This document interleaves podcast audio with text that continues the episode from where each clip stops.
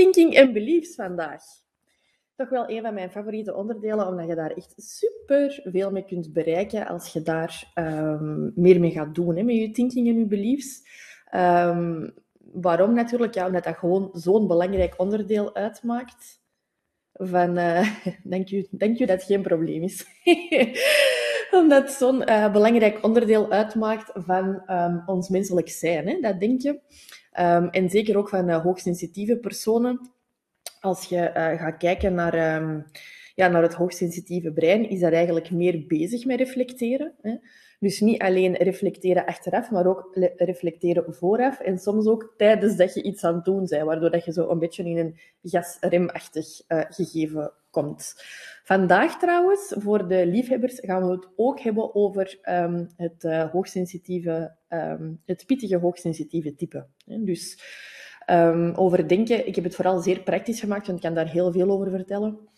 Maar uh, de laatste slides van vandaag gaan dus gaan over wat dat er nu juist zo specifiek is aan dat pittige, hoogsensitieve type qua uh, persoonlijkheidstype. Oké. Wat was het nu weer al, die hoogsensitiviteit? Ja, we hebben het vorige week nog eens herhaald. Hè. Um, maar um, wat was het nu weer al? Hè? Het is een responsive strategy. Dus dat wil zeggen, dat wil zeggen dat je een bepaalde uh, vorm van perceptie hebt.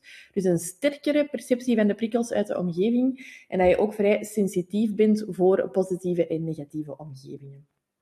Vandaag gaan we het dan vooral over de reflectie hebben. Um, waarbij dat we dus merken dat we vooral op voorhand ook heel veel gaan nadenken en dan pas doen dat we ook heel veel gaan nadenken over de ander um, en over de relatie tussen de ander en het zelf. Hè? Dus de onderlinge beïnvloeding tussen andere personen en uzelf. Um, dus dat het niet alleen gaat over de pause en check vooraf, maar ook over de reflectie um, achteraf. Dus dat is ook een belangrijke. Wat ik hier graag nog even aan wil toevoegen, want dat heb ik aan deze slide nog niet toegevoegd, is dat je ook toch nog altijd harder gaat nadenken wanneer dat je niks aan het doen bent. Hè? Dus er is een bepaald netwerk in ons brein, ik heb het aan de preparator genoemd, uh, een bepaald netwerk in ons brein dat eigenlijk actief wordt wanneer dat wij zelf niet actief zijn. En bij hoogsensitieve personen is die preparator dus actiever dan bij niet hoogsensitieve personen. Maar daar kom ik straks nog wel op terug. Dus het is nadenken over de toekomst, over wat dat er moet gebeuren. Nadenken over het verleden, over um, ja, wat dat er gepasseerd is. En dan vooral tussen u en andere mensen. En ook nog eens nadenken wanneer dat je niks aan het doen bent. En dat is ook de moment uh, bij mij bijvoorbeeld waarop dat er zo ideetjes naar boven broebelen. Hè. Dat laat ik soms weten op mijn Instagram-pagina. Van ik ben huishouden aan het doen of ben mijn kinderen aan het wandelen. Of, of hè, je bent even gewoon in rust in principe. En het is net op die rustmomenten dat er dan heel veel naar boven kan borrelen qua creativiteit. Dus um, nadenken over het verleden, nadenken over de toekomst en nadenken wanneer dat je niks aan het doen bent. Zeer kort samengevat. Sterktes van een hoogsensitief persoon. De reactie um, is ook nog belangrijk bij de responsive strategy. Wil eigenlijk zeggen dat je heel responsief wilt reageren natuurlijk. Dus dat je wil kiezen voor de beste optie voor iedereen.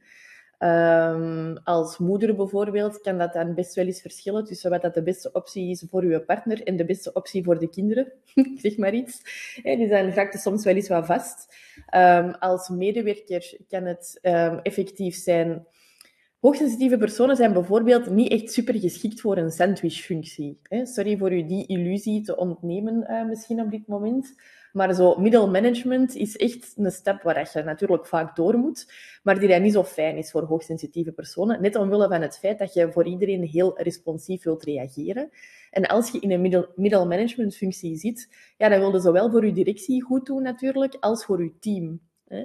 En als je dan uh, responsief wil reageren voor iedereen, dan gaat dat niet altijd. Hè, waardoor dat je soms wel wat vast kunt geraken als hoogsensitieve persoon. Maar niet alleen uw bewuste reactie, of zelfs ook onbewust, hè, dat je responsief wilt zijn, maar ook de reactie van uw zenuwstelsel kan iets feller zijn. Hè. De reactie van het zenuwstelsel en van de hersenen is intenser, wat maakt dat je dus meer stress kunt hebben. En dat is um, uh, de term optimal option ambition, werd daarop geplakt door Esther Bergsma. En dat is kiezen voor de beste optie voor iedereen en meestal eigenlijk voor de ander. Uh, daar zijn we vooral mee bezig als hoogsensitieve personen.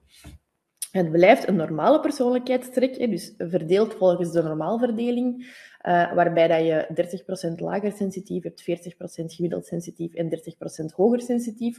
Hoewel dat daar wel wat discussie over bestaat, omdat um, uh, soms ook uh, wordt gezegd dat het 20% is, dat hoogsensitief is. Dus dat is altijd. In de humane wetenschappen discussiëren ze graag. En het is een uh, strategie gekend bij meer dan 100 diersoorten, waaronder de mens, want de mens is nog altijd een dier, bij mijn weten. Voilà. Um, wat zijn de zes belangrijke aspecten bij hoogsensitiviteit? Het biologische, dus de HSP, hersenen en stress, hebben we het vorige week over gehad. Um, het denken, uh, dat gaat dan over overtuigingen, schema's en automatische gedachten. Daar gaan we het vandaag over hebben. Het doen, dat gaat over gewoontes, concrete handelingen, haalbare plannen maken. Daar hebben we het vorige week over gehad. Um, de omgeving, familie, werk, vrienden, relatie, dat gaan we in de module zien Taking Up Space. Um, en dan de types, daar gaan we het vandaag over hebben. Dus types hoogsensitieve personen. Um, je kunt daar ook archetypes als inspiratie voor gebruiken, maar dat is vooral voor het online cursus, niet, niet voor enkel de webinars, dat is wat uitgebreid. Um, en dan bestaan en ervaren, en dat gaat dan over waarde, uh, voldoening, levensdoelen en emoties. Dat komt ook in de module values uh, eraan te pas. Vandaag gaan we het hebben over thinking en beliefs. Ja. Hier nog eens een overzichtje van de verschillende modules en wanneer dat we wat zien. Um, voor de mensen die dat de online cursus hebben, hè, die uh, slides komen er ook in, heb ik beloofd. Dus dat komt eraan. Thinking, denken. Hè. Uh, dat doen we heel veel, hè? denken. We doen dat heel veel. 60.000 gedachten op een dag. Dus dat zijn er veel. Um, dus in die responsive strategy hebben we dus wat ik er juist gezegd heb, hè, dat sterker opmerken van die subtiele signalen en details. Dat kan gaan over sociale signalen, dat kan gaan over veranderingen in omgeving, dat kan gaan over het feit dat jij misschien wel doorhebt dat er, als je onderweg bent naar de bergen, rotsblokken naar beneden gaan komen op een berg.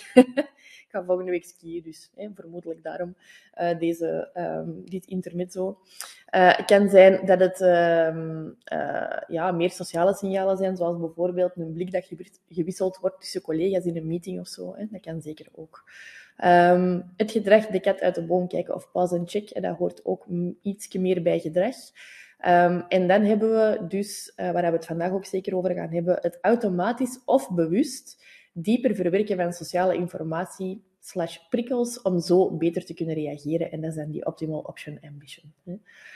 Um, die responsiviteit en reactiviteit heb ik meer bij gedrag gezet ook. En dan is het natuurlijk puntje 5 ook nog het actieve reflecteren over de eigen respons in relatie tot anderen, waardoor dat je ook sneller uh, bijleert en groeit. Denk maar gewoon eens, stel dat jij elke keer heel um,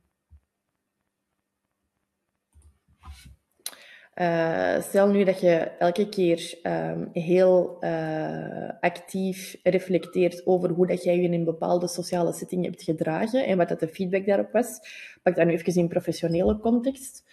Um, dan uh, ja, is dat um, natuurlijk logischer dat je daar ook sneller uit gaat leren. Ik was even afgeleid door een berichtje. Ik zal daar straks op antwoorden, want dat is nu even wat moeilijk tegelijkertijd.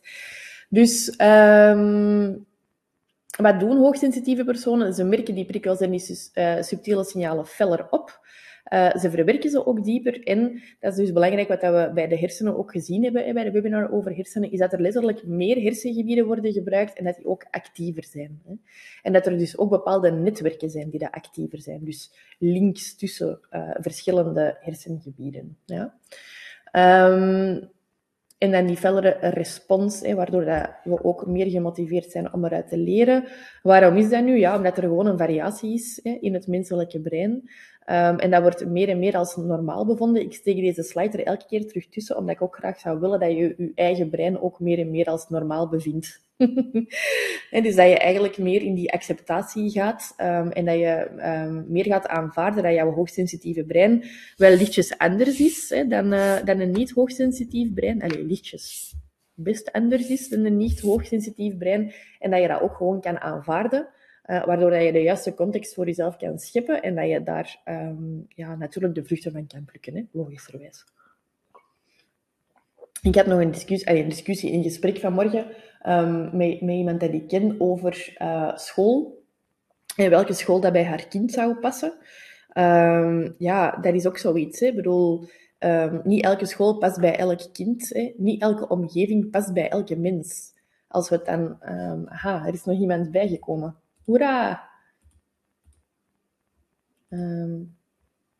en welkom. uh, ik ben blij dat de mensen de link toch nog gevonden hebben. Dus we zijn nog even bij de inleiding. Hè. Uh, dus neurodiversiteit is belangrijk om te accepteren, omwille van het feit um, dat het echt um, belangrijk is dat je voor jezelf de juiste context um, creëert. Hè. dat is een beetje zoals het, uh, hetgene wat dat, uh, Esther Bergsma ook zegt. Dat is een heel belangrijk spreekwoord van Albert Einstein. Hè. Als je een vis gaat judgen op zijn capaciteit om in een boom te klimmen, ja, hè, dan gaat je vissen je meestal niet erg goed voelen. En dat is ook wel zo. Hè? Dus hou rekening met hoe, dat je, hoe dat jij je omgeving ervaart.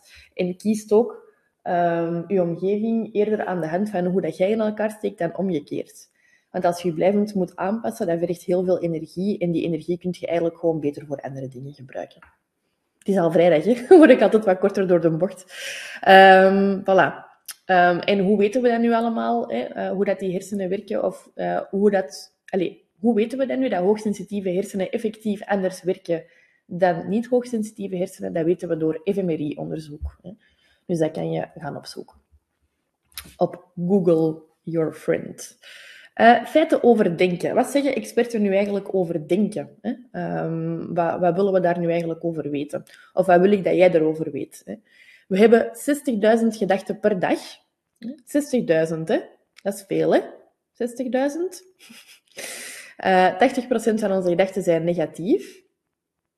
Of 80% van onze gedachten, zouden kunnen zeggen, hebben aandacht voor het negatieve. Zou je dat al bijna willen reframen. Hè?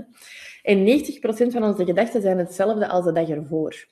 Dus dat wil zeggen dat je eigenlijk een soort van automatische gedachtenpatronen hebt, die dat um, automatisch ook um, gemakkelijker geconcentreerd zijn op het negatieve. Waarom is dat nu zo? Omwille van het feit dat het aandacht hebben voor het negatieve, slash het gevaarlijke, belangrijk is voor ons overleven. Ja? En een mens is eigenlijk gewoon uh, basically altijd bezig met overleven, hè? wat dat je ook aan het doen bent. Ja? We moeten eigenlijk ons best doen om te leven. Hè? En in al dat overleven er niet te vergeten dat we ook nog moeten leven. Piekeren is niet hetzelfde als nadenken. Ja? Piekeren is niet hetzelfde als nadenken en leidt ook tot allerlei klachten. Dus dat vind ik ook een hele belangrijke. Um, om te beseffen, piekeren gaat gewoon in cirkeltjes. Hè? Dus dat gaat gewoon de hele tijd... Een soort van... Als de ring rond Antwerpen rond zou zijn, hè, uh, ga je gewoon de hele tijd rond de ring van Antwerpen uh, blijven rijden en je pakt nooit een afrit.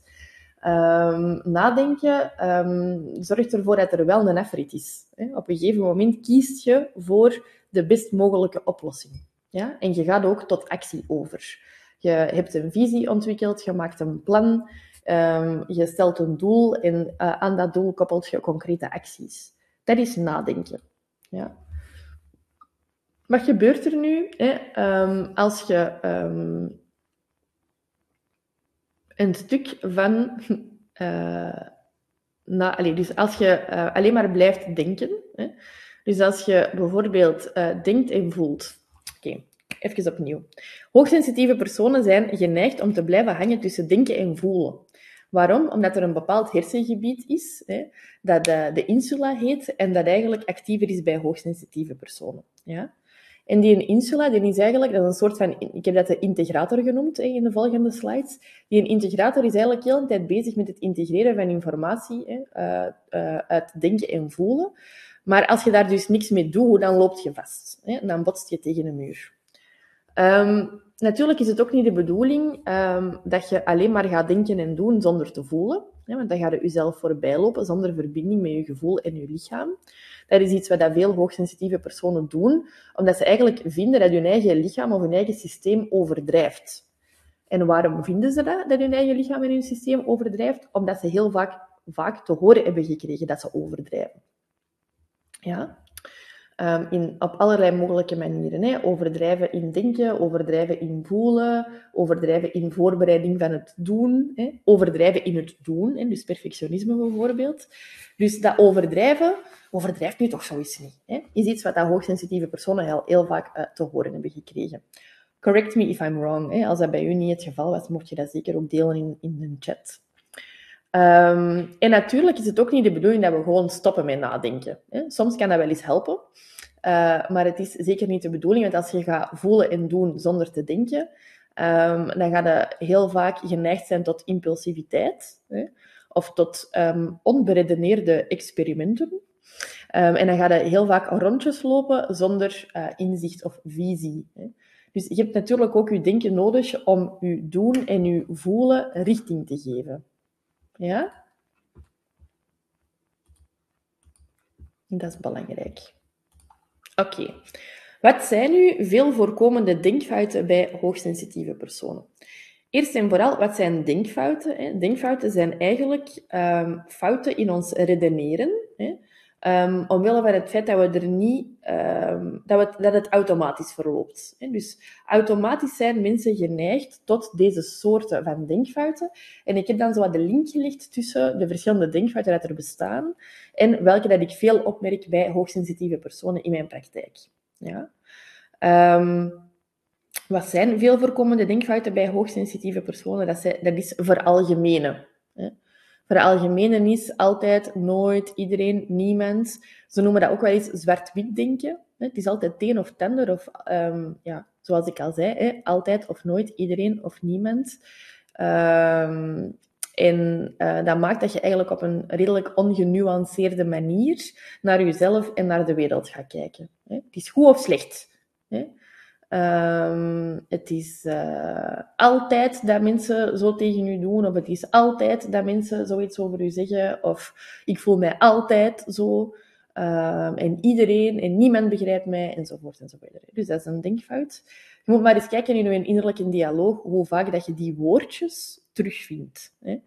Dus als je bijvoorbeeld gaat flow schrijven, dat is iets wat je eens zou kunnen doen hè, na deze uh, webinar. Je gaat flow schrijven en dat wil zeggen dat je een blad papier pakt en dat je een kwartier lang bijvoorbeeld, of vijf minuten lang, hoe lang dat je het ook kunt volhouden, gewoon alles gaat schrijven wat dat er in je opkomt. Hè. Dat is flow schrijven. En dat maakt eigenlijk dat je een heel goed zicht hebt op uh, de, de ja, randomness, de willekeurigheid, de willekeurigheid van je gedachten en ook wel dat je heel vaak van die kleine woordjes gaat tegenkomen die dat altijd gaan terugkomen. Ja? Ik heb dat in mijn Instagram stories al eens uh, kleine rotzakgedachten genoemd. Hè?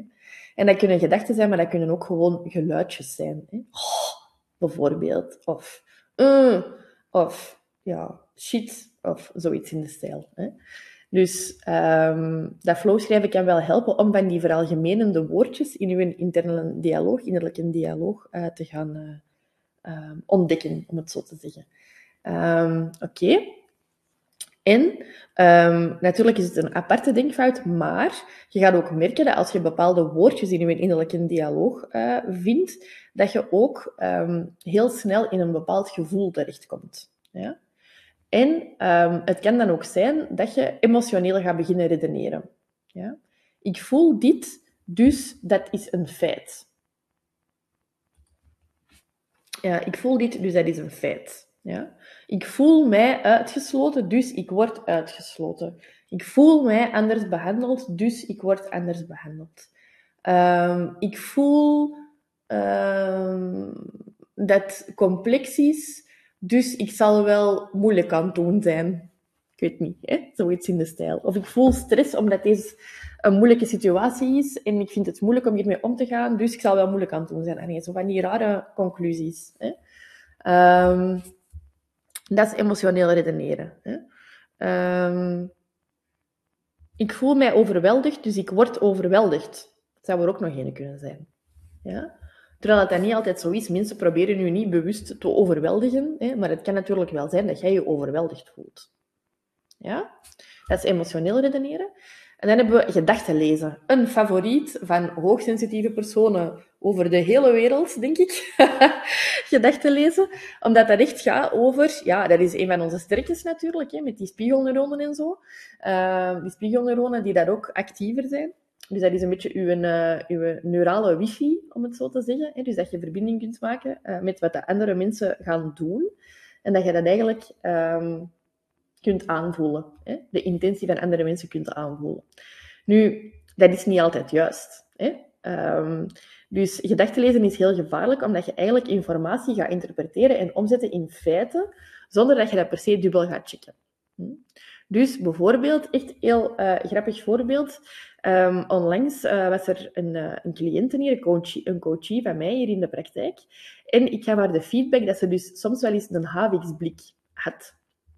Maar zij had dat dus helemaal niet van zichzelf door, hè, dat, dat, dat dat zo was. Zij was gewoon aan het nadenken op die momenten. Maar ik beelde mij dan in dat zij bijvoorbeeld op een meeting op het werk zat en dat zij die een blik boven haalde. Als collega zou ik mega geïntimideerd zijn, hè? omdat dat zo een haviksblik was. Dus um, andere mensen doen dat zeker ook bij ons, gedachten lezen. Terwijl, hè, daarmee dat ik ook soms mopjes maak over de resting bitch face. Uh, dat is zoiets heel bekend, hè, dat mensen, um, ook al voelen ze zich heel neutraal, boos uh, kijken. Ik krijg die feedback ook vaak, als ik aan het nadenken ben, dat ik er dan boos uitzie.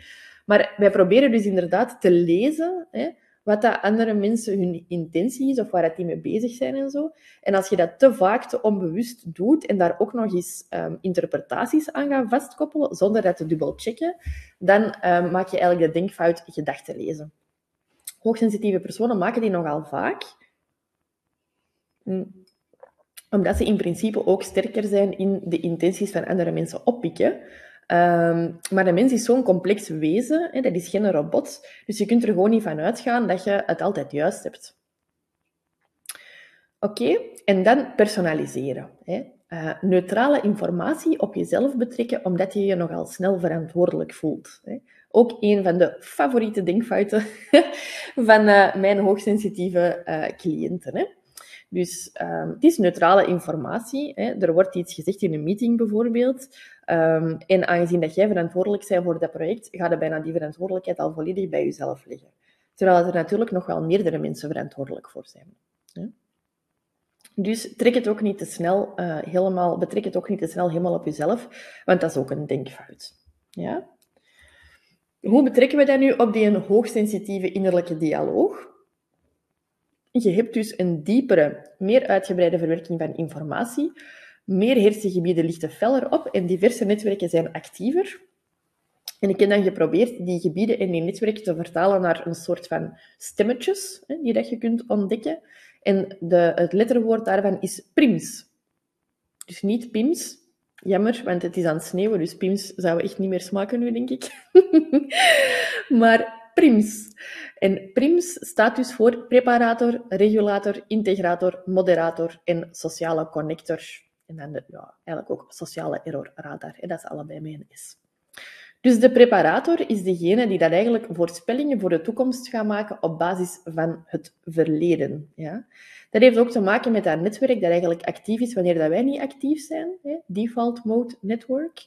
Uh, dat is die preparator. Hè? Dus als wij niks aan het doen zijn, dan gaan wij eigenlijk, en dat is bij iedereen zo, hè, dan gaan wij eigenlijk heel de tijd voorspellingen maken. Hè? Onbewust. Um, maar dat netwerk dat dat doet, die preparator, is bij hoogsensitieve personen actiever. Dus dat is intenser uh, bezig, waardoor dat je dus ja, actiever voorspellingen gaat maken hè, voor de toekomst op basis van het verleden. En uh, dat maakt dus ook dat je zelfs in rust meer energie verbruikt. Ja, hoera. Hè. Um, de regulator bereidt ons systeem voor op de actie die nodig is. Hè. Dus die regulator gaat er eigenlijk, is eigenlijk ons, een beetje ons zelfregulerend uh, vermogen. En dat gaat eigenlijk ons systeem volledig voorbereiden op de actie die nodig is. En dat gaat dus bijvoorbeeld ook de stresshormonen uh, produceren, als dat nodig is. Ja? Um, de integrator is eigenlijk degene die het verband ligt tussen denken en voelen. Dat is dan bijvoorbeeld die insula waar ik over sprak. De moderator is degene die rekening houdt met de bedreigingen voor de harmonie in de sociale groep. Dat is eentje dat ik bijvoorbeeld heel fel uh, herken. uh, die een moderator of herkend heb, want ik hou mijn eigen er nu echt veel, veel, veel minder mee bezig en dat is ook veel minder energievretend. Hè. Maar hoogsensitieve personen hebben dus een actievere moderator en die moderator gaat echt kijken van oké, wat is er hier allemaal aan het gebeuren in de groep? Wat gebeurt er in de meeting? Wat gebeurt er aan tafel tijdens een vriendendiner? Wat gebeurt er op het familiefeest? Hè? En gaat eigenlijk kijken van, oké, wat zijn hier de bedreigingen voor de harmonie? Bijvoorbeeld, de zette onkel is te veel aan het drinken, we gaan deze een wijn afpakken. het is waarschijnlijk vrijdag, waardoor dat ik meer voorbeelden met wijn aan het pakken ben. Maar bon, het is zo. Um, dus bijvoorbeeld, je gaat water geven aan de zettenonkel, de moderator. want dan begint hij weer allemaal dingen te zeggen uh, die, die niet zo leuk vindt. Um, wat zouden ze nog kunnen zeggen? Misschien um, mocht je ondertussen iets bedenken wat dan een voorbeeldje van u is. Hè? Uh, als je dat zou willen delen in de openbare chat, doe maar. Ik ben er wel bij rekening mee aan het houden dat ook veel mensen deze webinar gaan luisteren en zo. Dus ik ga niet zo superveel uh, pauzes laten. Um, maar um, als je een voorbeeldje hebt van wat dat uw moderator doet, dan moet het zeker al delen en dan kom ik er nog even op terug. Maar je mocht ook voorbeeldjes geven van de preparator, regulator, integrator, dus alle, alle orkes. Moet er zeker een voorbeeldje van geven in de chat als je dat wilt. de sociale connector, dus dat is degene die dat die neurale wifi uh, heeft. En dat staat eigenlijk in voor het detecteren van de intentie van anderen. Dus dat heeft te maken met die spiegelneuronen. En ook voor de empathie. Nu, empathie heeft eigenlijk twee lagen. Uh, empathie kan cognitief zijn of empathie kan affectief zijn. Kan bijvoorbeeld zijn dat je aan de bus zit te wachten en dat de persoon naast u ineens keihard begint te wenen. Ja? Je weet totaal niet waarom. Hè. Je kunt je ook totaal niet inleven in die persoon, want je kent die niet. Hè. Maar toch ga je affectieve empathie voelen. En zeker als hoogsensitieve persoon, omdat je empathisch vermogen iets uh, fijner is afgesteld. Hè. Dus affectieve empathie is eigenlijk empathie die dat je voelt, uh, medeleven, inlevingsvermogen, dat je voelt van, oh Germe, die persoon is aan het wenen, ik zie de tranen, dus die zal verdrietig zijn en ik voel nu ook een beetje verdriet, want ik zie tranen. Oké? Dat is affectieve empathie. Cognitieve empathie komt meer voor, meer voor. Dat is een beetje mentaliseren, of theory of mind noemen ze dat ook wel eens. Als je ook echt kunt inleven in wat dat die persoon aan het meemaken is. Dus dat je met je voorstellingsvermogen, en ik raak dan altijd mijn voorhoofd aan, want het dan, gaat dan over de prefrontale cortex, over je executieve functies. Dus met je voorstellingsvermogen ga je eigenlijk um, met taal en al bedenken van ah ja, die persoon heeft dat meegemaakt. Ik kan me voorstellen dat dat wel echt heel vervelend is, want... Uh, en, dus je maakt eigenlijk hypotheses. Er horen hypotheses bij. Ja? En omdat je dus jezelf kunt inbeelden op een cognitieve manier, uh, gaat je dan ook weer zakken naar emotie en denk je, maar ja, dat moet erg zijn. Ik voel nu ook verdriet, bijvoorbeeld. Maar dat kan even goed met blijdschap. Dat kan ook zeker met positieve emoties. Dus, want we hebben ook al geleerd dat... Um, hoogsensitieve personen um, ook zeker intenser reageren op positieve emoties en niet alleen op negatieve. Belangrijk om te weten, vind ik. Oké, dus voor die empathie en voor het detecteren van de intentie van anderen, uh, maar ook voor die sociale error radar. Hè? En dat is een concept, geloof ik, van Esther Bergsma ook. Um, en dat gaat er vooral over welke impact dat de informatie heeft op mijn positie in de groep. Ja? Dus um, als het um, op een familiefeest is, bijvoorbeeld in. Wat voor een voorbeeld kan ik hiervan maken? Zeg? Welke impact heeft deze informatie op mijn positie in de groep? Uh, stel nu um, dat je met een groep uh, influencers samenzit En een van die influencers um, communiceert tijdens die, uh, dat evenement dat ze de Podcast Awards heeft gewonnen. Ik zeg nu maar iets, hè. dat is uh, iets wat ik recentelijk um, heb gezien dat dat bestaat. Um, dan gaan al die andere influencers misschien nadenken over wat dat, de, wat, welke impact die informatie heeft op de positie in de groep. Hè. Dus denk dan echt aan een groep apetjes. Hè. Een groep apetjes gaat ook altijd bezig zijn met welke positie neem ik in in de groep. Hè? Echt puur op sociale status. Hè? Het heeft niet, per se met sociale, niet altijd per se met sociale status te maken, maar gewoon met positie. Welke impact heeft deze informatie? op uh, mijn positie in de groep en doe ik niks fout. Hè? Dus stel nu dat er de runner-up ook aanwezig is en die is ook uh, hoogsensitief in, al die, in die groep met influencers, dan gaat die runner-up misschien denken, ah nee, nu gaan ze mij voor minder aanzien, want ik heb een fout gemaakt, want ik heb niet gewonnen met de podcast awards. Beste voorbeeld waar ik op dit moment kan opkomen. Voilà. Oké, ik heb hier een voorbeeldje ondertussen um, in de openbare chat. Hè. Um, geeft uh, een van de volgers aan, wanneer dat er in gesprek een groep een persoon de andere niet begrijpt, dan probeer ik telkens in ieder schoenen te staan en beide partijen hun gevoel en motivatie te beschrijven, zodat er idealiter langs beide kanten begrip komt en geen verhitte discussie. Ja, inderdaad. Hm. Dus eigenlijk ga jij zorgen voor die theory of mind, voor die cognitieve empathie. Je gaat die eigenlijk een beetje infuseren in dat gesprek. Hè? En dat is bijvoorbeeld ook wat een koppeltherapeut zou doen. Ik zeg nu maar iets. Hè? Uh, je gaat eigenlijk je begrip van uh, uh, ja, dat voorstellingsvermogen en die, die cognitieve en die affectieve empathie je eigenlijk gebruiken om harmonie te scheppen tussen mensen. Hè? Dus dat is ook de reden waarom dat zoveel therapeuten hoogsensitief zijn natuurlijk, hè? logischerwijs. Omdat je daar sowieso al wat sterker in bent. Hè? Dus dankjewel voor uw voorbeeld, want dat is een heel goed voorbeeld. Hè. Eigenlijk maak je een beetje de vertaalslag. Je gaat zo wat vertaler zijn. Hè, op vlak van, uh, van uh, ja, emoties bijvoorbeeld. Hè. Ja, supergoed voorbeeld. Um, denkfouten of um, automatische gedachten die kunnen voorkomen bij um, de verschillende stemmetjes. De preparator, wat als en had ik maar. Dat zijn uh, vragen of denkfouten of automatische negatieve gedachten.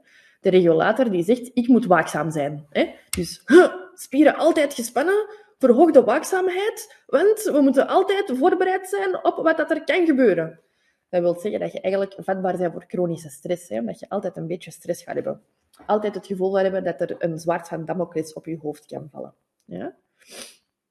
De integrator zegt dan, wat ik meen te zien is absoluut waar en mijn gevoelens erbij zijn terecht. Dus dat is effectief um, uh, wat dat de uh, integrator uh, durft te doen. Hè. Dus dat is zo tussen denken en voelen en denken en voelen en denken en voelen. Als je het niet gaat checken, dan weet je het nooit zeker. Ja? De moderator die denkt dan, als ik niet ingrijp, dan wordt het een ramp. Dus dat is effectief ook um, ja, uh, iets wat dat heel veel hoogsensitieve personen denken. En dat is, als ik nu niet ingrijp, hè, bijvoorbeeld dat voorbeeldje van de juist, stel dat jij nu niet uh, de vertaalslag zou gaan doen tussen die mensen, ja, dan wordt het misschien een discussie, maar misschien geraken ze er ook wel gewoon uit. Hè. En misschien versterkt dat wel hun relatie, dat ze een discussie overleefd hebben. Who knows? Hè? Um, dus je moet ook niet altijd gaan modereren, hè, is eigenlijk mijn boodschap hier. Uh, mensen mogen ook wel gewoon eens discussiëren. En je moet ook niet altijd... De harmonie mag wel eens verstoord worden. Hè. Na een onweer is er ook frisse lucht. Hè, om het maar zo te zeggen. Hè. En dan merk je ook dus heel vaak, hè, die moderator uh, komt bij hoogsensitieve cliënten ook heel vaak voor in hun gezin. Hè. Dus dat ze eigenlijk posities gaan innemen in het gezin om... Um, discussie of conflicten te vermijden, maar dat maakt wel dat de oorzaak van die conflicten vaak soms langer blijft bestaan dan nodig. Omdat je er altijd tussen gaat staan, omdat je altijd modereert. Hè? Omdat je altijd de angel uit de situatie haalt. Terwijl soms ja, moet het eens goed clashen. Hè? Dat mag wel. Dat mag wel eens gebeuren. En op het werk mag dat zeker ook wel gebeuren. Oké? Die sociale connector, die dat dus vooral bezig is met zijn neurale wifi en aan het oppikken is wat dat er allemaal gebeurt, um, denkt heel vaak, hij, zij heeft nu absoluut mijn hulp en of medeleven nodig. Of dat je er nu dichtbij staat of veraf staat, dat dat nu een vriend is of vijand, bij wijze van spreken. Hè. Jij voelt het aan, dus jij hebt ook het gevoel dat jij altijd hè, je medeleven moet tonen en altijd moet gaan helpen. Dat is dus niet waar. Hè. Dat is een denkfout. En dan die sociale errorradar. Als ik dit doe, zeg, voel, dan word ik sowieso afgewezen. Die sociale errorradar is ook heel gevoelig voor afwijzingen. Okidoki. Dus zo kun je je gedachten gaan, een beetje gaan koppelen aan die prims, hè, preparator, regulator, integrator, moderator, sociale connector. En dan kun je dus um, gaan, uh, gaan uitzoeken van oké, wie is er hier nu aan het woord? Welk hersengebied is hier meer dan waarschijnlijk actief? Hè? Um, en proberen ook die gedachten te gaan uitdagen. Hè? In de cursus uh, krijg je daar dan ook de nodige tools voor. Um, uh, en hier ga ik gewoon al even doorlopen hoe dat je volgens mij uh, moet omgaan met die uh, innerlijke dialoog. Hè. In het algemeen heb ik het een aantal adviezen. In het algemeen zou ik vooral zeggen, um, laat geen van die stemmetjes hè, de overhand nemen niet de preparator, regulator, integrator, moderator of sociale connector, geen van allemaal. Hè. En zet een soort van regisseur van voor. Hè. Uw bewuste ik, uw regisseur, uw chauffeur, wat dat je, hoe dat je het ook wilt noemen, uw baas, hè, de CEO. Zet je in bij overwhelm of vastlopen in die optimal option, ambition of pass and check. En durft ook wel eens, als uw regisseur overweldigd is door al die stemmetjes die daar aan het roepen zijn, uh, durft de regie ook wel eens afgeven. En dat is dan eigenlijk al direct geconnecteerd met het laatste puntje dat ik hier heb gemaakt. En dat is praat met anderen over uw innerlijke dialoog. Durf dat doen vanuit een hulpvraag en wees ook mild voor jezelf. Um, waarom vanuit een hulpvraag? Um, omdat je, omdat um, andere mensen u dan ook veel beter gaan beginnen verstaan. Hè? Dat heb ik zelf met mijn wederhelft ook al meermaals meegemaakt. Dat dat als ik niet vertel, als ik daar een soort van black box van blijf maken, hè, van hoe dat ik denk, dan snap je soms echt niet waarom dat ik tot bepaalde conclusies kom. En dan vind je inderdaad dat ik moeilijk aan het doen ben. Hè. Maar als ik dan zeg, dat heeft heel vaak te maken bijvoorbeeld met hoeveel dingen ik meepak voor de kinderen als wij vertrekken. Hè. Dus als wij hier in het weekend vertrekken, dan zorg ik eigenlijk dat ik voor alle mogelijke scenario's iets bij heb. Speelgoed, eten, drinken, allez, whatever. Hè uh, pyjamas, bij wijze van spreken. En dan kan je soms echt naar mij zitten kijken met een man van, wat zeg jij nu eigenlijk allemaal aan het doen? Hè? Maar als je dan op voorhand toelicht van, ja, we gaan nu deze doen en de mogelijkheid is dat we dan daarna daar verzeild geraken en dan zo op die manier en dan hebben we dat niet bij en dat is vervelend en nee, we kunnen het beter bij hebben en als we het niet nodig hebben is het ook goed. Dan leg ik eigenlijk uit hoe dat ik tot dat um, eindpunt gekomen ben. En dan begrijpt hem ook veel beter waar dat vandaan komt, dat ik bijna een weekendtas meeneem als wij op een zaterdagmiddag vertrekken. Ja? Oké. En ik wil natuurlijk gewoon de harmonie bewaren. Hè? Want als we ergens zijn en de kinderen zijn moe of die hebben honger of dorst of weet ik het veel, kinderen kunnen daar niet zo supergoed mee om. Um, kinderen en hoogsensitieve personen ook niet. Dus um, praat met anderen over uw innerlijke dialoog. Doe dat vanuit een hulpvraag en wees mild voor uzelf. Hè. Dus je kunt bijvoorbeeld um, echt wel zeggen van oké, ik weet dat we nu moeten vertrekken, um, maar ik wil eigenlijk nog graag dat en dat en dat doen. Uh, kun je mij helpen? Hè? Kun je mij helpen beslissen of dat, dat nodig is? Kun je mij helpen met het uit te voeren? Hè? Dat zijn twee verschillende zaken natuurlijk. Oké. En dan puntje 2, kies een focus. Hè. Um, het is uit onderzoek al gebleken. Even drinken. Het is uit onderzoek al gebleken dat de uh, hoogsensitieve personen van iedereen fel de emotie oppikken en daar ook van iedereen fel over gaan reflecteren. Hè. Um, dus dat kan uh, gaan van mensen in uw inner circle tot uh, mensen over heel de wereld. Hè. En er gebeurt wat in de wereld. Um, dus het is wel belangrijk om niet te veel energie te verliezen, dat je een focus gaat kiezen. Ja? Um, ik heb zo een aantal mensen, als die mij iets laten weten, of die hebben mij gebeld, bel ik altijd terug. Hè? Welk, welk moment dat het ook is. Of ik stuur even een sms'je van, hè? heb je mij echt nodig of zo. Uh, maar er zijn een aantal mensen die bij mij zo op het eerste lijntje staan. En voor de rest, uh, de rest niet. Hè? Dus voor de rest ga ik niet altijd alles uit de kast halen.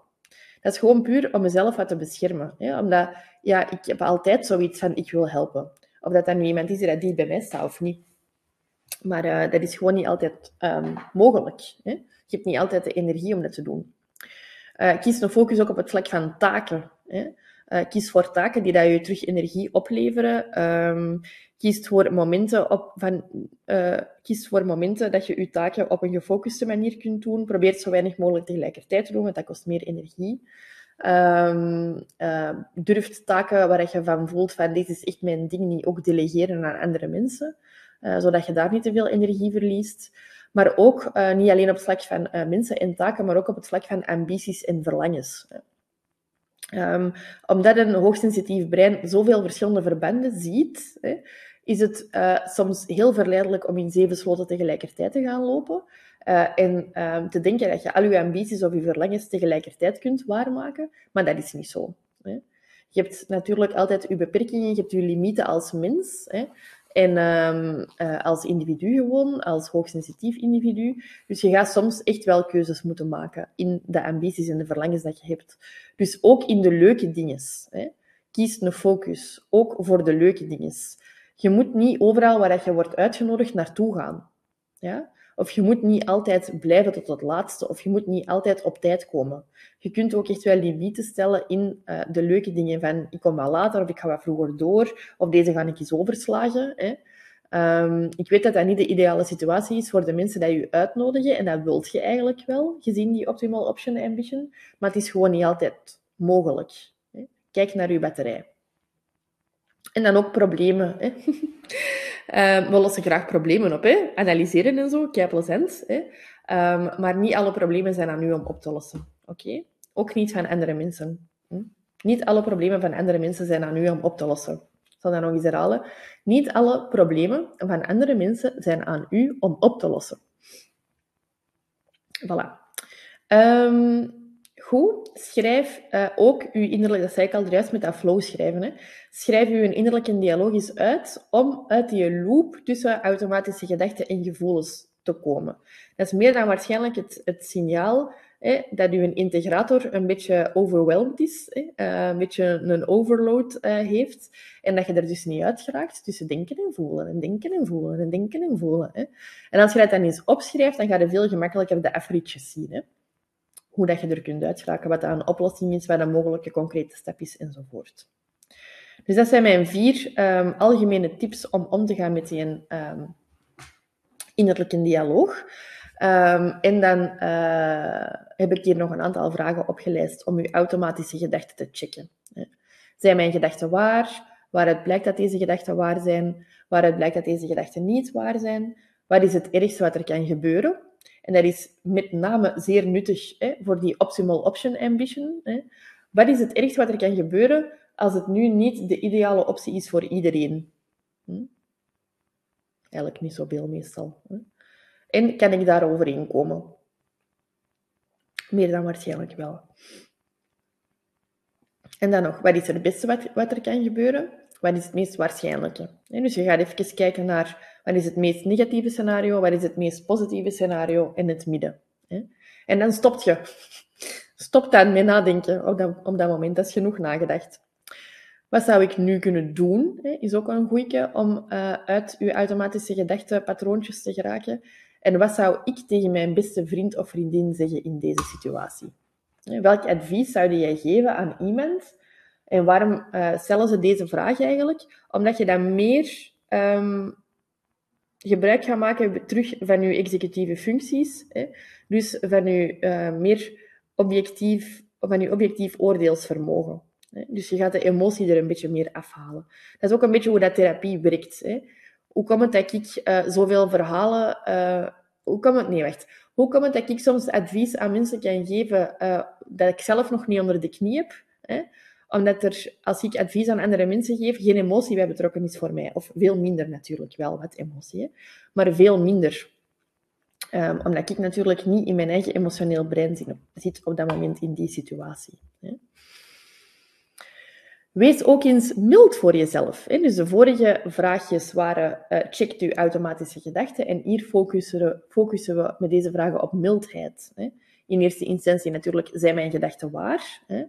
Um, en um, wie uit mijn innerlijke dialoog veroorzaakt deze gedachten? Wat zijn drie belangrijke gedachtenpatronen bij uh, hoogsensitieve personen, of gewoon in het algemeen bij mijn cliënten? Hè? De pleaser, de pusher en de perfectionist. De pleaser is natuurlijk sowieso uh, gerelateerd aan hoogsensitiviteit, omdat een pleaser bezig is met wat de andere mensen graag zouden willen, hè? behoeften, verwachtingen. Een pusher Uh, ja, is, hoort misschien iets meer bij dat pittig, hoogsensitief uh, verhaal dat ik straks ga vertellen. En de perfectionist, die ehm, is er meestal ook wel bij. Ehm, dat is misschien die optimal option ambition, hè, dat je daaraan kan linken. De allerbeste optie. We leggen de lat hoog. Hè. Ehm, hoe gaat je nu mildheid triggeren? Je gaat eigenlijk op zoek naar een compassievolle metgezel. En je zou als eenvoudig vraagje aan jezelf kunnen stellen: wat zou mijn beste vriendin nu tegen mij zeggen? Waarom pakken we de relatie de beste vriendin? Omdat daar ook niet zo vaak een ouder-kind uh, oordeel op zit of zo. En meer zo wat echt een compagnon is. Dus je hebt echt een compagnon nodig. Ja? En mildheid wil ook zeggen van, um, ga eens kijken of dat het wel uw verantwoordelijkheid is. Ja? Is het nu mijn verantwoordelijkheid? Hè? En probeer dat ook eens te gaan benoemen, zelfs in hoeveel procent dat het uw verantwoordelijkheid is. Want als dat niet voor 100% is, um, dan kun je misschien kijken wie dat er u zou kunnen helpen en aan wie dat je iets kunt delegeren. Wat dat even goed mild zijn voor jezelf is. Hè? Jezelf ontslagen van bepaalde verantwoordelijkheden. Ontslaan. Jezelf ontslaan van bepaalde verantwoordelijkheden. En je mocht ook je chiller iets wat meer aan het woord laten. Hè? En dat is degene die dat zegt, moet ik dit nu doen? Moet ik dit nu doen? Moet ik dit nu doen? Moet ik dit nu doen? Moet ik dit nu doen? Moet ik dit nu doen? Of kan ik het laten?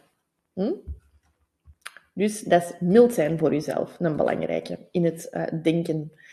En dan um, nog een, ja, nog een slideje met dagdroom, plan en doel. Hè. Dat zijn allemaal uh, manieren om uit je automatische gedachtenpatronen te komen. Hè. Dus je kunt jezelf eens afvragen van, mag ik ook gewoon stoppen met dit te denken? Is dat een optie? Hè? Kan ik mezelf toestemming geven om te stoppen met dit te denken? Kan ik um, het misschien wel denken, maar kan ik al stoppen met deze gedachten te geloven? Hm? Dat is al ook iets. Waar droom ik van? Welke concrete plannen zou ik graag maken? En wat kan ik doen om te stoppen met denken? Ja? Dus dat zijn een aantal concrete tips om met die uh, hoogsensitieve gedachtenpatronen om te gaan. Hè. Dus dat gaat dan vooral over dat veralgemenen, dat emotioneel redeneren, gedachten lezen en personaliseren. Het zijn vier veel voorkomende denkfouten bij hoogsensitieve personen die dat eigenlijk vooral bedacht worden omwille van het feit dat er een aantal hersengebieden hè, actiever zijn. En die heb ik dan gedoopt als preparator, regulator, integrator, moderator en sociale connector. Hè. Um, en het is belangrijk dat we um, daar regie over nemen, dat je een focus kiest, dat je af en toe eens alles uitschrijft, zodat je eraan uit kunt aan al die automatische gedachten. En dat je ook leert om je automatische gedachten te delen, zodat andere mensen er ook, u er ook mee vooruit kunnen helpen. Als het niet uh, lukt om het op dat moment te delen, dan kun je je automatische gedachten gaan checken hè, met een aantal vragen. Je kunt proberen mild te zijn voor jezelf met een aantal vragen. En je kunt proberen je automatisch uh, gedachtenspoortje om te zetten in dromen, plannen of doen. Voilà. Dat was de tips over uh, automatische gedachten. En dan gaan we eventjes nog naar beliefs. Beliefs is eigenlijk voor mij, het zit nog onder automatische gedachten. Automatische gedachten zijn eigenlijk meer een uiting van je geloofssysteem. Ja, en dan heb ik het niet over religie, maar dan heb ik vooral over uh, hetgene wat je over jezelf en de wereld gelooft. Um, overtuigingen of uh, basisovertuigingen wordt vaak, daarbij wordt vaak het woord schema gebruikt. En een schema is een opgedane kennisstructuur uit de vroege jeugd die leidt tot gedrag, gevoelens en gedachten. Hoeft niet de vroege jeugd te zijn, kan ook de gewone jeugd zijn. Hm? Wat zijn nu zes schema's die we vaak tegenkomen bij hoogsensitieve personen? Ik moet over alles goed nadenken en mogelijke risico's vermijden. Dat is dan opnieuw die preparator die dat daarmee bezig is. Hè. Ik, ben, ik ben verantwoordelijk voor de sfeer in de groep. Hm? Dat is die connector, die dat goed gaat observeren van wat er allemaal van sociale informatie is, door die spiegelneuronen te gebruiken. En die moderator, die dat eigenlijk heel gevoelig is voor de harmonie in de groep. Ik ken niet zoveel als andere mensen. Um, en omwille van het feit dat ik niet zoveel ken als andere mensen, zal ik het wel fout doen. Je zou ook kunnen zeggen, ik ken niet hetzelfde als andere mensen. En omwille van het feit dat hetgeen wat ik kan niet hetzelfde is als de meeste mensen, zal ik het wel fout doen. En dat zijn die sociale error radar. Ja? Je mocht altijd delen um, of dat je um, die uh, schema's herkent. Nog drie schema's bij hoogsensitieve personen zijn... Andere mensen zijn belangrijker dan ik. Ja? En dan zo, oeh, krijg je daar wel een gevoeltje bij als ik dat hardop uitspreek. Je mocht dat zeker eens proberen als dat thuis lukt. Niemand begrijpt mij. Er is ook nog een schema. En ik moet ook altijd moeilijk doen. Dat is ook een schema. Nu, stel nu dat we dat allemaal nog eens hardop gaan uitspreken en dat je um, op welk moment dan ook dat je dit aan het kijken of luisteren bent, dat je samen met mij doet. Ik moet over alles goed nadenken en mogelijke risico's vermijden. Ik ben verantwoordelijk voor de sfeer in de groep. Ik kan niet hetzelfde of zoveel als andere mensen. Andere mensen zijn belangrijker dan ik. Niemand begrijpt mij. En ik moet ook altijd moeilijk doen. ik weet niet wat jullie voelen hè, als je die schema's eens hardop voorleest uh, voor jezelf, maar bij mij denk ik dat het vooral veel schaamte is. Schaamte en schuldgevoel of zo, dat er komt. Omdat het zo ter hoogte van mijn benen zit. En bij mij, als het ter hoogte van mijn benen zit, is het heel vaak zo wat, ja, onmacht, schaamte, schuld, zo wat van alles. Dus je merkt ook dat die schema's meteen voor bepaalde emoties gaan zorgen uh, bij jezelf. Um, en dat kan zijn teleurstelling, verdriet, schuldgevoel of zelfs zover als depressie. Want teleurstelling, verdriet en schuldgevoel zijn allemaal zaken die dat wel vaak voorkomen bij een depressie. Uh, je kunt faalangst hebben, je kunt een laag zelfbeeld hebben. Je kunt daardoor last krijgen van heel weinig zelfvertrouwen. Hè. En omdat je de zaken uit weinig zelfvertrouwen doet, zijn je heel vaak ook nerveus maak je dan meer fouten en ga je dus ook weinig succeservaringen hebben, hè, waardoor dat je in een soort van visieuze cirkel terechtkomt. Niet tof. Ja? Maar is nog een gevolg van uh, die zes schema's sociale disconnectie. Hè? Vooral als je echt gaat geloven van niemand begrijpt mij, ik moet ook altijd moeilijk doen, andere mensen zijn belangrijker als ik, hè? ik ken niet zoveel of hetzelfde als andere mensen, ja, dan voel je niet bepaald verbonden hè, met de ander. Isolatie en vermijding en sociale angst kunnen daar dan uit voorkomen, hè? voortkomen. Hè? Nu, dat zijn allemaal grote woorden, hè? maar je kunt bij jezelf echt wel eens kleinere situaties gaan bedenken waarin dat je um, dat al wel gevoeld hebt. Hè?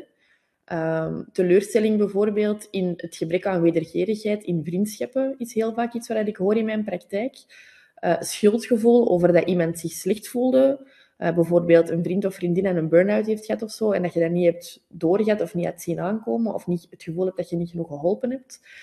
Um, faalangst um, in, in ja, kleine dingen, zoals presentaties geven of zo. Um, of groter, echt een laag zelfbeeld, als in ja, echt overtuigd zijn dat je minder waard bent dan andere mensen. Hè? Omdat je andere dingen kunt. Dat zijn wel allemaal pittige dingen. Hè? Maar, maar als ik dat zo echt in, in woorden giet, dan merk je wel dat, je, dat we allez, hoogsensitieve personen, of diegenen toch dat ik ken, heel vaak daar wel last van hebben, van die negatieve gevoelens daar rond. Hè? En zeker ook uh, sociale disconnectie, isolatie en vermijding. Sociale angst hoeft niet per se, maar zo toch hè, dat isoleren, dat vermijden, je niet zo verbonden voelen, dat zijn toch wel dingen dat ik allemaal heel fel herken vanuit mijn praktijk. Oké, Um, dus hou rekening met die differentiële susceptibiliteit in die zin van, je weet nog hè, dat HSP sterker reageren op positieve en negatieve omstandigheden, for better and for worse, hè, zeggen we dan. Um, en houd er dan rekening mee dat je eigen innerlijke belevingswereld, die dat onder meer bestaat uit je denken, hè, dat dat ook een omstandigheid is. Hè. Je, innerlijk is ook een omstandigheid waarin dat je leeft. Hè is die altijd negatief, en dan noemen ze in onderzoek dan repetitive negative thinking, of RNT, dan worden uw gevoelens ook negatief. Hè? Met risico op psychische problemen zoals overspanning, angst, stemmingstoornissen enzovoort. Hm? Dus hou daar rekening mee dat je een positieve innerlijke omstandigheid hè, creëert voor jezelf. En je denken heeft daar waanzinnig veel invloed op. Hè? Dat is ongezien. Hè? Vandaar dat cognitieve gedragstherapie ook zo effectief is. Hè? Als je aan je denken gaat werken, dan kun je echt heel veel veranderen. Hoe gaat je nu om met die schema's? Hè? Ehm, hoe gaat je om met die schema's? Uh, je zorgt ervoor dat je um, uh, aandacht hebt voor je eigen veiligheid. Hè? Dus je geeft jezelf recht op veilige omstandigheden. Waarom? Die schema's die komen vooral naar boven wanneer je je niet zo veilig voelt. Ja? In on, onvoorspelbare omstandigheden, in onbekende omstandigheden, bij mensen die dat je niet zo goed kent, bij mensen dat je niet vertrouwt, hè? enzovoort. Ik zeg niet dat dat terecht is, maar soms is dat wel gewoon zo. Dus uh, zie dat je uh, voor jezelf veilige omstandigheden creëert. Hè. Zie dat je op een werkplek zit waarin dat er wederkerigheid is. Zie dat je in een vriendengroep zit waarin dat er wederkerigheid en vertrouwen kan zijn. Zie dat je in een relatie zit die dat veilig aanvoelt. Hè. Creëert veiligheid voor je kinderen. Dat is echt dat is gewoon belangrijk. Hè. mensen kunnen alleen maar groeien als ze zich veilig voelen. Ja? Op een goede manier groeien als ze zich veilig voelen, ik zal het zo zeggen. Zorg voor een vertrouwde verbinding met enkele personen. Hè. Uh, beschouwt die enkele personen als uw veilige haven en ook als een beetje uw go-to-punt om dan die soms complexere innerlijke dialoog te gaan delen. Uh, mijn vriendinnen weten dat al. dan kom ik echt, dan kom ik even met your thoughts hè, over deze situatie en dan leg ik die situatie uit. Hè. En dan moeten zij van mij daar hun um, inzicht op geven. Maar ik vraag het dan ook niet aan tien mensen. Hè? Ik vraag het dan aan twee mensen of zo. Dus zorg ervoor dat je een beetje een veilige haven hebt van mensen die dat je vertrouwt, hè, uh, waarbij dat je je innerlijke dialoog kunt delen, en waarbij dat die soms je op afreetjes kunnen wijzen die dat je misschien zelf niet ziet, omdat je in die diepere verwerking wat vastzit. Ja? En dan een belangrijke vind ik authentieke autoriteit. Hè. Zorg ervoor dat je echt autonoom beslissingen neemt. Hè. Fire and hire yourself uh, ook. Hè. Ontdekt waar dat jij je authentieke autoriteit kunt opnemen en verschuil je ook niet achter die hoogsensitiviteit. Hè. Um, die pause and check zou er bijvoorbeeld voor kunnen zorgen, of die optimal option ambition zou ervoor kunnen zorgen dat je in situaties blijft die dat voor u niet goed zijn. Maar waarom zou je dat nu doen? Gaat je kind ook in, uh, in een slechte crash laten? Allee, kort door een bocht, maar gaat je kind toch ook van school veranderen als je ziet dat dat niet gelukkig is? Hè? Waarom zou jij nu ongelukkig op een werkplek blijven plakken? Moet je toch niet doen? Ja.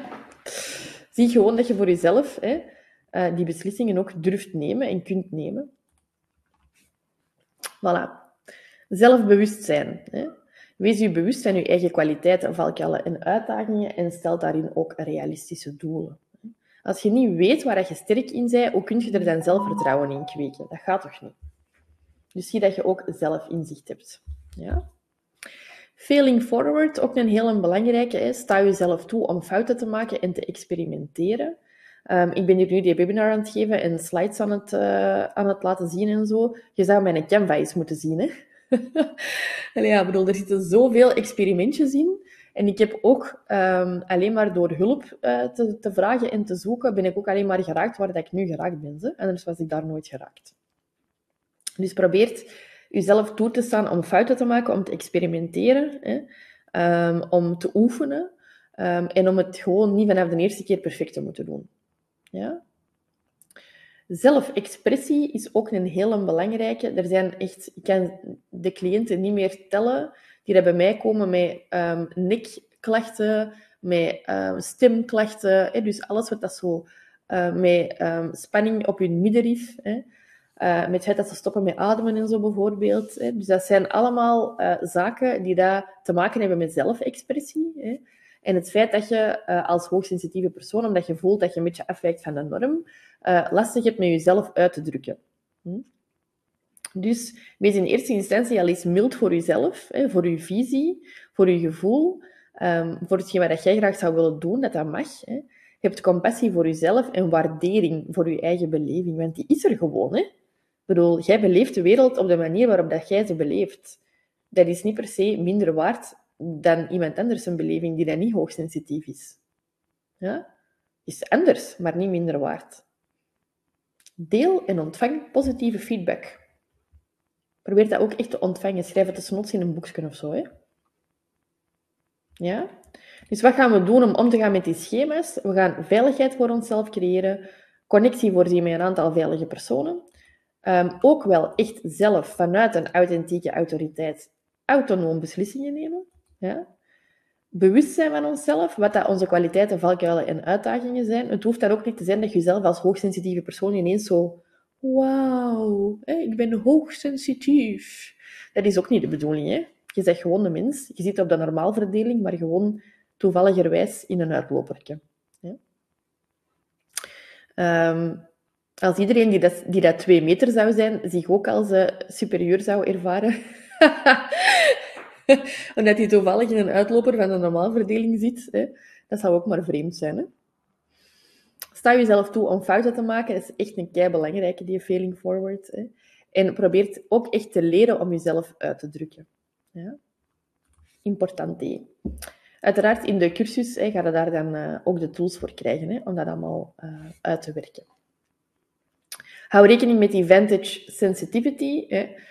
Um, dat was ook nog iets wat bij hoogsensitiviteit vaak aan bod komt, is vantage sensitivity. Dus dat wil zeggen dat HSP's ook uh, sterker reageren op positieve interventies. Hè. Dus gun het jezelf om positiever te denken en zo betere innerlijke omstandigheden te creëren. Ziezo.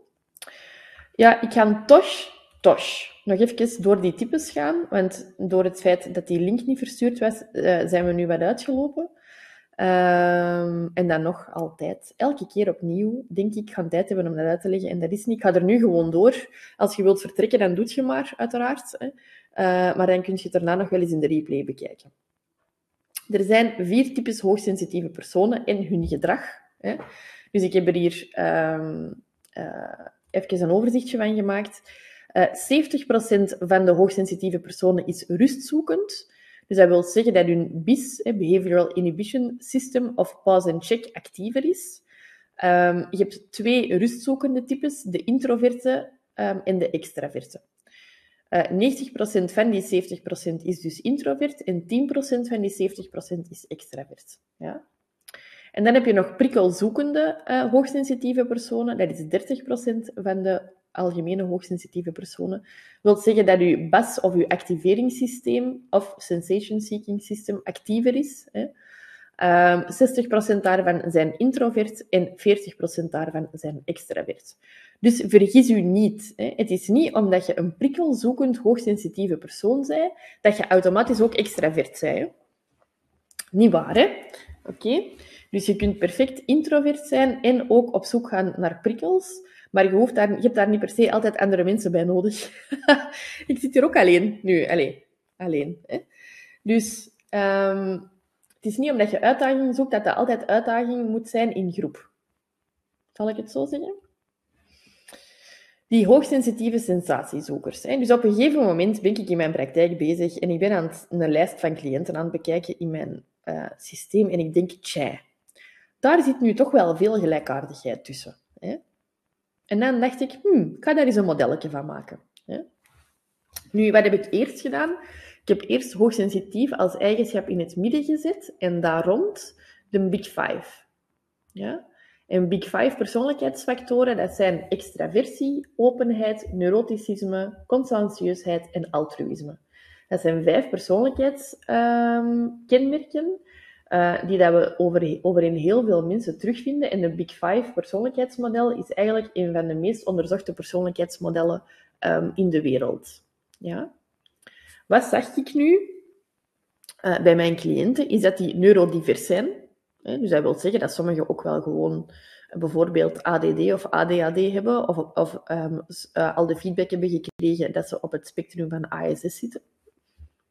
Is dat zo? Is dat niet zo? Hè? Dus ja, dat is de vraag. Uh, dat ze heel vaak een sterke wil hebben, dat ze heel vaak sensatiezoekend zijn en dat ze ook heel vaak hoog of meer begaafd zijn. Dus dat wil eigenlijk zeggen dat de meeste van mijn cliënten um, hoger opgeleid zijn, ik zal het zo zeggen. Hm? Um, voor een bachelor te behalen, uh, hebben ze al eens gezegd, heb je een IQ van 110 nodig gemiddeld, dacht ik. En voor een master te behalen een IQ van 120. En een IQ van 120 zou wel, wordt al bekeken als meer begaafd. Hè? Uh, terwijl 130 de grens is voor hoogbegaafd. In de ene test dat ik ooit gedaan heb, had ik een IQ van 130. Net. Moest je dat willen weten. Ehm, voilà, dus dat heb ik eigenlijk een beetje uh, gecombineerd in mijn modelletje van uh, de pittige, hoogsensitieve personen met dat pepertje. Dus wat, zijn eigenlijk de gelijkaardigheden aan veel uh, van die cliënten? En daar heb ik dan ook een enquête op Instagram over gedaan en dat kwam wel goed overeen. Hè. Dus wat gebeurt er? Hè? Pittig, hoogsensitief, dus meestal sensatiezoekend um, of actiezoekende hoogsensitieve personen met een hoge lat, die dat moeilijk kunnen doseren, een groot verlangen hebben naar uitdaging, een sterke oordeelsvorming hebben ook, hè, dus vaak met een pittig oordeel ook uh, uit, de, uit de hoek komen, sterke overtuigingen hebben en een sterke wil. Dat zijn zo de kenmerken van uh, mijn uh, pittig hoogsensitieve cliënten. Hè. Nu, um, dat is een modelletje dat ik heb gemaakt en ik ga daar nog wel eens verder mee, als je daarin herkent. Hè. Um, ja, dat is een pittige combinatie. Ik zal het maar daar even op houden. Hm? Wat zijn nu de kenmerken van die hoogsensitieve, uh, hoogsensitieve uh, van die sensatiezoekende hoogsensitieve personen? Dus high sensation seeking, highly sensitive person, hè, is dat dan? Uh, dat zijn hoogsensitieve personen die gevoelservaringen zoeken. Hè? Dus intense prikkels en ervaringen. Vandaar het pepertje vandaag. Vandaar het pepertje als metafoor. In die zin um, dat... Uh, ik heb zo eens een documentaire gezien over mensen die dat, uh, pepers gaan proeven over, heel, over de hele wereld. Hè? En ik denk dat als je bijvoorbeeld naar het, naar het zuiden van Amerika reist om daar pepers te gaan uh, eten, dat je dat wel als een intense uh, prikkelervaring zou kunnen omschrijven. Dus vandaar komt eigenlijk dat pepertje als metafoor. Ik vond die documentaire echt fantastisch om te zien. Dus dat zijn echt mensen die dat de hele, hele wereld rond uh, reizen om um, ja, rode pepers te gaan eten, of groene pepers. Alleen in ieder geval pikante pepers. Hè. Um, en die dat dan wedstrijden doen onderling. Hè. En er zijn dan zo'n aantal bekende mensen bij, um, die, dat, ja, die dat dus eigenlijk... ik ga hier even met een ding op niet storen zetten als ik dat vind in mijn nieuwe gsm. Ja, en dat blijft hier maar geluid maken. Voilà, dat is niet leuk voor de mensen die aan het luisteren zijn. Um, Oké, dus hè, intense gevoelservaringen. Vandaar het pepertje. Hè, uh, die wedstrijden over peper eten, uh, die documentaire dat ik ooit gezien heb, uh, heeft mij er eigenlijk een beetje naartoe geleid, naar dat symbool. het is een gedragsstijl alweer, hè, een evolutionaire aanpassing. En dat heeft vooral te maken met dat die mensen een grotere bereidheid hebben en openheid hebben om nieuwe situaties, om op nieuwe situaties af te gaan. Innovatieve ideeën, nieuwe markten enzovoort. Wat is de definitie? En dit komt uit het boek van Maaike Kruisen. Um, Maaike Kruisen, even denken hoe dat, dat boek nu weer al heet. Prikkels bijten niet prikkels bijten niet. Definitie is dan het zoeken naar gevarieerde, nieuwe, complexe en intense sensaties en ervaringen. Dit gecombineerd met de bereidheid om fysieke, sociale, juridische en financiële risico's te nemen omwille van een dergelijke ervaring. Ja? Uh, er zijn vier grote categorieën waarin dat, dat hoogsensatiezoeken kan voorkomen. Dat gaat over fysieke kick en avontuur, het opdoen van nieuwe ervaringen en realiseren van verandering en vernieuwing, ontremming en neiging tot snel vervelen. Met de bijkomende opmerking van Esther Bergsma dat de gedragsstijl sensatiezoeken kan variëren afhankelijk van het sensorisch profiel. Dus welke zintuigelijke gevoeligheid die hoogsensitieve personen hebben. Dus je kunt bijvoorbeeld wel heel hard gaan zoeken naar nieuwe prikkels op het vlak van intellectuele uitdaging, bijvoorbeeld. Maar je kunt echt nog altijd niet heel goed tegen geluid kunnen. Je kunt heel graag naar een, eh, de cinema gaan omwille van de visuele ervaring, maar je kunt bijvoorbeeld met oordopjes gaan omwille van het feit dat je dat geluid niet zo fijn vindt. Um, of je kunt bijvoorbeeld um, zo van die love seats pakken in de cinema, omdat je het niet, het niet fijn vindt dat andere mensen te dicht bij je zitten. Ik zeg maar iets. Dat andere mensen je aanraken. Hè. Dus dat is een tactiele ervaring. Uh, en met mijn bedenking erbij dat dat high sensation seeking ook kan afhangen van het feit of dat die hoogsensitieve persoon toevallig ook hoogbegaafd is. Hè. Omdat het ook al wel um, gebleken is dat hoog, hoogbegaafde personen wel gemakkelijker zich gaan vervelen. Ja. Meest voorkomend uit dat onderzoek van Maaike Kruijsen is dat er vooral veel nood is aan verandering, aan vernieuwing en dat je neigt tot snelle verveling. Hè. Mijns inziens is die variatie ook afhankelijk van de trekken van de Big Five. Hè. Ehm, als je gaat kijken naar die Big Five uh, trekken, extraversie, openheid, neuroticisme, consensueusheid en altruïsme. Hè. Stel dat je een hele hoge consensueusheid hebt, wat je vrij kunt vertalen als plichtbewustzijn, hè, um, en een hele hoge openheid, ja, dan ga je bijvoorbeeld wel heel um, open staan voor nieuwe ervaringen, maar misschien je heel plichtbewust voelen tegenover je werkgever, waardoor dat je niet snel van werk gaat veranderen. Dus het hangt ook echt wel af van um, je algemene persoonlijkheid. Hè? Of dat jij um, die nieuwe ervaringen gaat opzoeken. Scoorde jij bijvoorbeeld heel hoog op neuroticisme, uh, dat wil zeggen dat je emotioneel uh, iets minder stabiel bent en dus meer last hebt van angst, zou kunnen hebben van angst bijvoorbeeld, ja, dan gaat die angst je misschien weerhouden om knopen door te hakken en nieuwe ervaringen te gaan opzoeken. Dus bekijk altijd, en daarom dat, er, um, dat je echt dat heel genuanceerd moet bekijken van, je hebt je persoonlijkheid en je hebt hoogsensitiviteit. Hè, en dan heb je nog die andere factoren dat erbij komen kijken van neurodiversiteit, sterke wil, sensatiezoeker en meer of hoogbegaafdheid. Hè. Dus het is niet, uh, het is niet eenvoudig, het is eigenlijk complex. Hè. Waarschijnlijk daarom dat ik het zo leuk vind. um, Dus die HSS-HSP is een combinatie van hoogsensitiviteit met uw eigen persoonlijkheid. Hè? En dan vooral, die HSS zou dan vooral uh, betekenen dat je een hogere score hebt op openheid en op extraversie. Ja? Um, en die twee concepten die ook nog een rol kunnen spelen, is dus die sterke wil dat je hebt en dan het, het uh, geval of dat je meer die een BIS hebt of die een BAS. Behavioral Inhibition System, Behavioral Activation System. Um, bij die hoogsensitieve sensatiezoekers overwint meestal wel het verlangen naar de nieuwe uitdaging of ervaring de angst. Hè. En als dat niet zo is, komen cliënten heel vaak in therapie of in coaching terecht, hè, omdat ze nog een zetje nodig hebben om hun angst uh, te overwinnen. Um, en de risico's bij dat hoogsensitieve sensatie zoeken is dus dat je niet voorzichtig genoeg bent, dat je impulsief reageert, dat je te veel sociale prikkels aangaat, te veel hooi op je vork neemt, omdat je graag uit nieuwsgierigheid toch die nieuwe ervaring wilt opdoen. Hè. Waardoor dat, die, dat biologisch HSP-systeem, waar we het dan over gehad hebben in de vorige webinars, die lading niet goed aan kan. Dat emmertje is te snel vol. Hè. Waardoor dat je overprikkeld geraakt, dat is op de korte termijn, overspannen geraakt, dat is op de middellange termijn, of uitgeput geraakt, hè, dat is op de lange termijn. Dus het is een moeilijke balans tussen die onder- en die overprikkeling. Hè? Een beetje gas-rem-verhaal. Je leeft met één voet op de gas en met één voet op de rem. Um, je bent ook een avonturier. Hè? Met je lijf, met je hoofd. Uh, dat maakt nu niet zoveel verschil. Hè? Wilde jij echt gaan bergen beklimmen of wilde jij um, heel um, felle intellectuele uitdagingen aangaan? Dat maakt niet uit.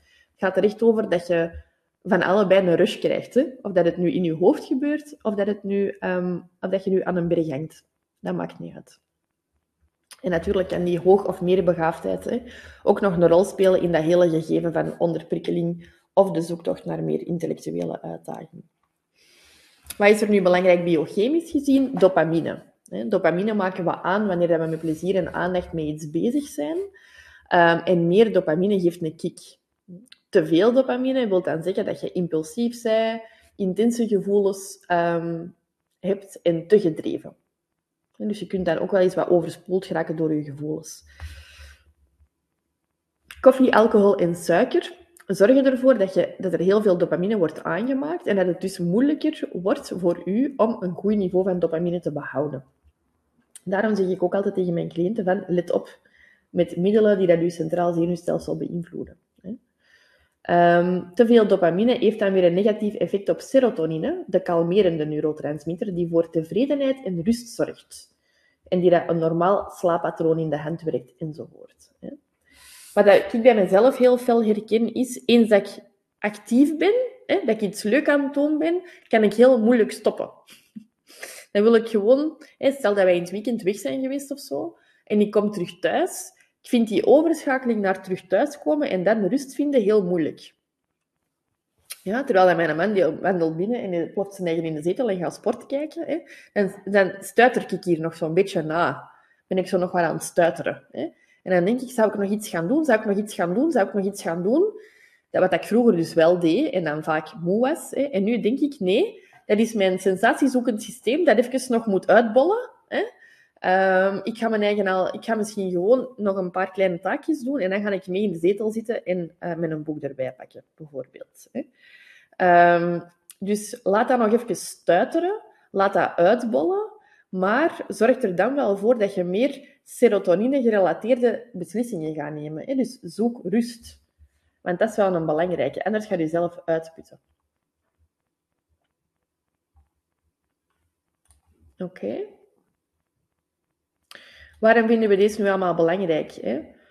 Um, omdat het echt belangrijk is om jezelf als hoogsensitieve persoon heel goed te kennen. Hè? Deze is een slide vanuit de eerste um, live webinar. Um, het is echt belangrijk dat je de juiste omgeving voor jezelf kiest, hè? zodat je niet verwelkt, maar je eigen ook niet opbrengt. Hè? dus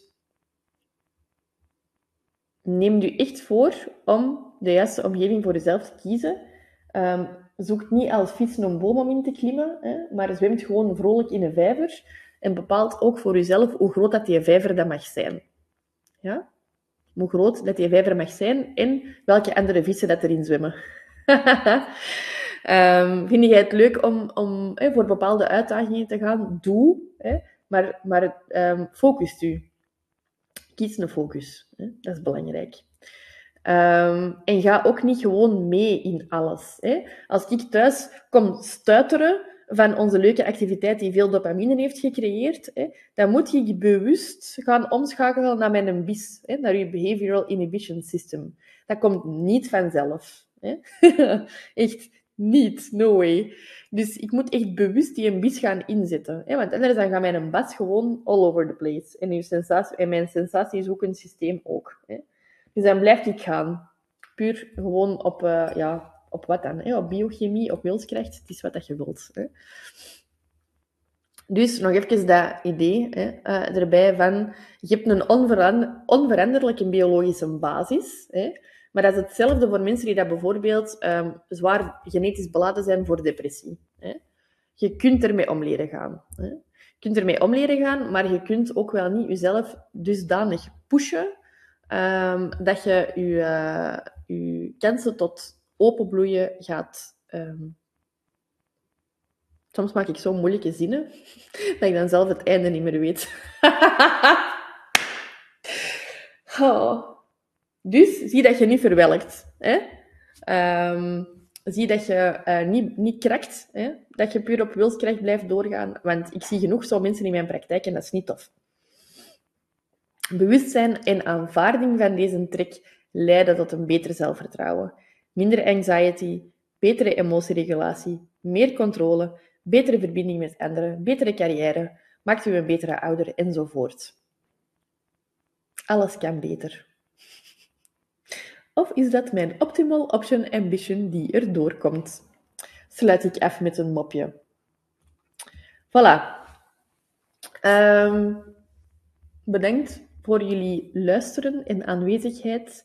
Geef mij feedback op alle mogelijke manieren, via mail, via de formulieren die dat jullie uh, ook gekregen hebben. Uh, maakt niet uit hoe dat je het doet, maar geef mij zeker feedback over uh, de webinars. Het is de eerste keer dat het programma doorgaat. Hè. Dus um, ik sta echt absoluut open voor feedback over uh, constructief wel graag. Hè. Uh, over wat dat je graag veranderd zou zien, of wat dat je goed vond, of uh, wat dat je gemist hebt, wat dat je te veel vond. Alles mag en alles kan. lin.psili.me hm? um, Ben je enkel maar de, allez, enkel maar, ben je de webinarreeks aan het volgen en wilde toch toegang tot al die opdrachten en extra video's, dan mag je mij ook altijd een mailtje sturen, dan schrijf ik je nog in voor het programma. En dan krijg je een kortingscode. Hè. Um, ja, hier vind je dus mijn, uh, al mijn uh, kleine bibliotheek dat ik hiervoor heb geraadpleegd. Um, en dan gaan we nog uh, hebben module 3, Values and Goals, hè, over waarden en doelen. En module 4, Taking Up Space. Dus dat zijn ook meteen de twee volgende webinars. En ik zal misschien nog eventjes naar de data gaan kijken. De eerstvolgende is op vrijdag 22 april en de tweede volgende is op vrijdag 6 mei. Et voilà. Uh, mijn excuses voor de uh, ja, uh, niet verstuurde mail. Ik hoop dat jullie allemaal de replay goed kunnen bekijken. En dan zie ik jullie voor de volgende webinar. En een fijne paasvakantie. Tot later.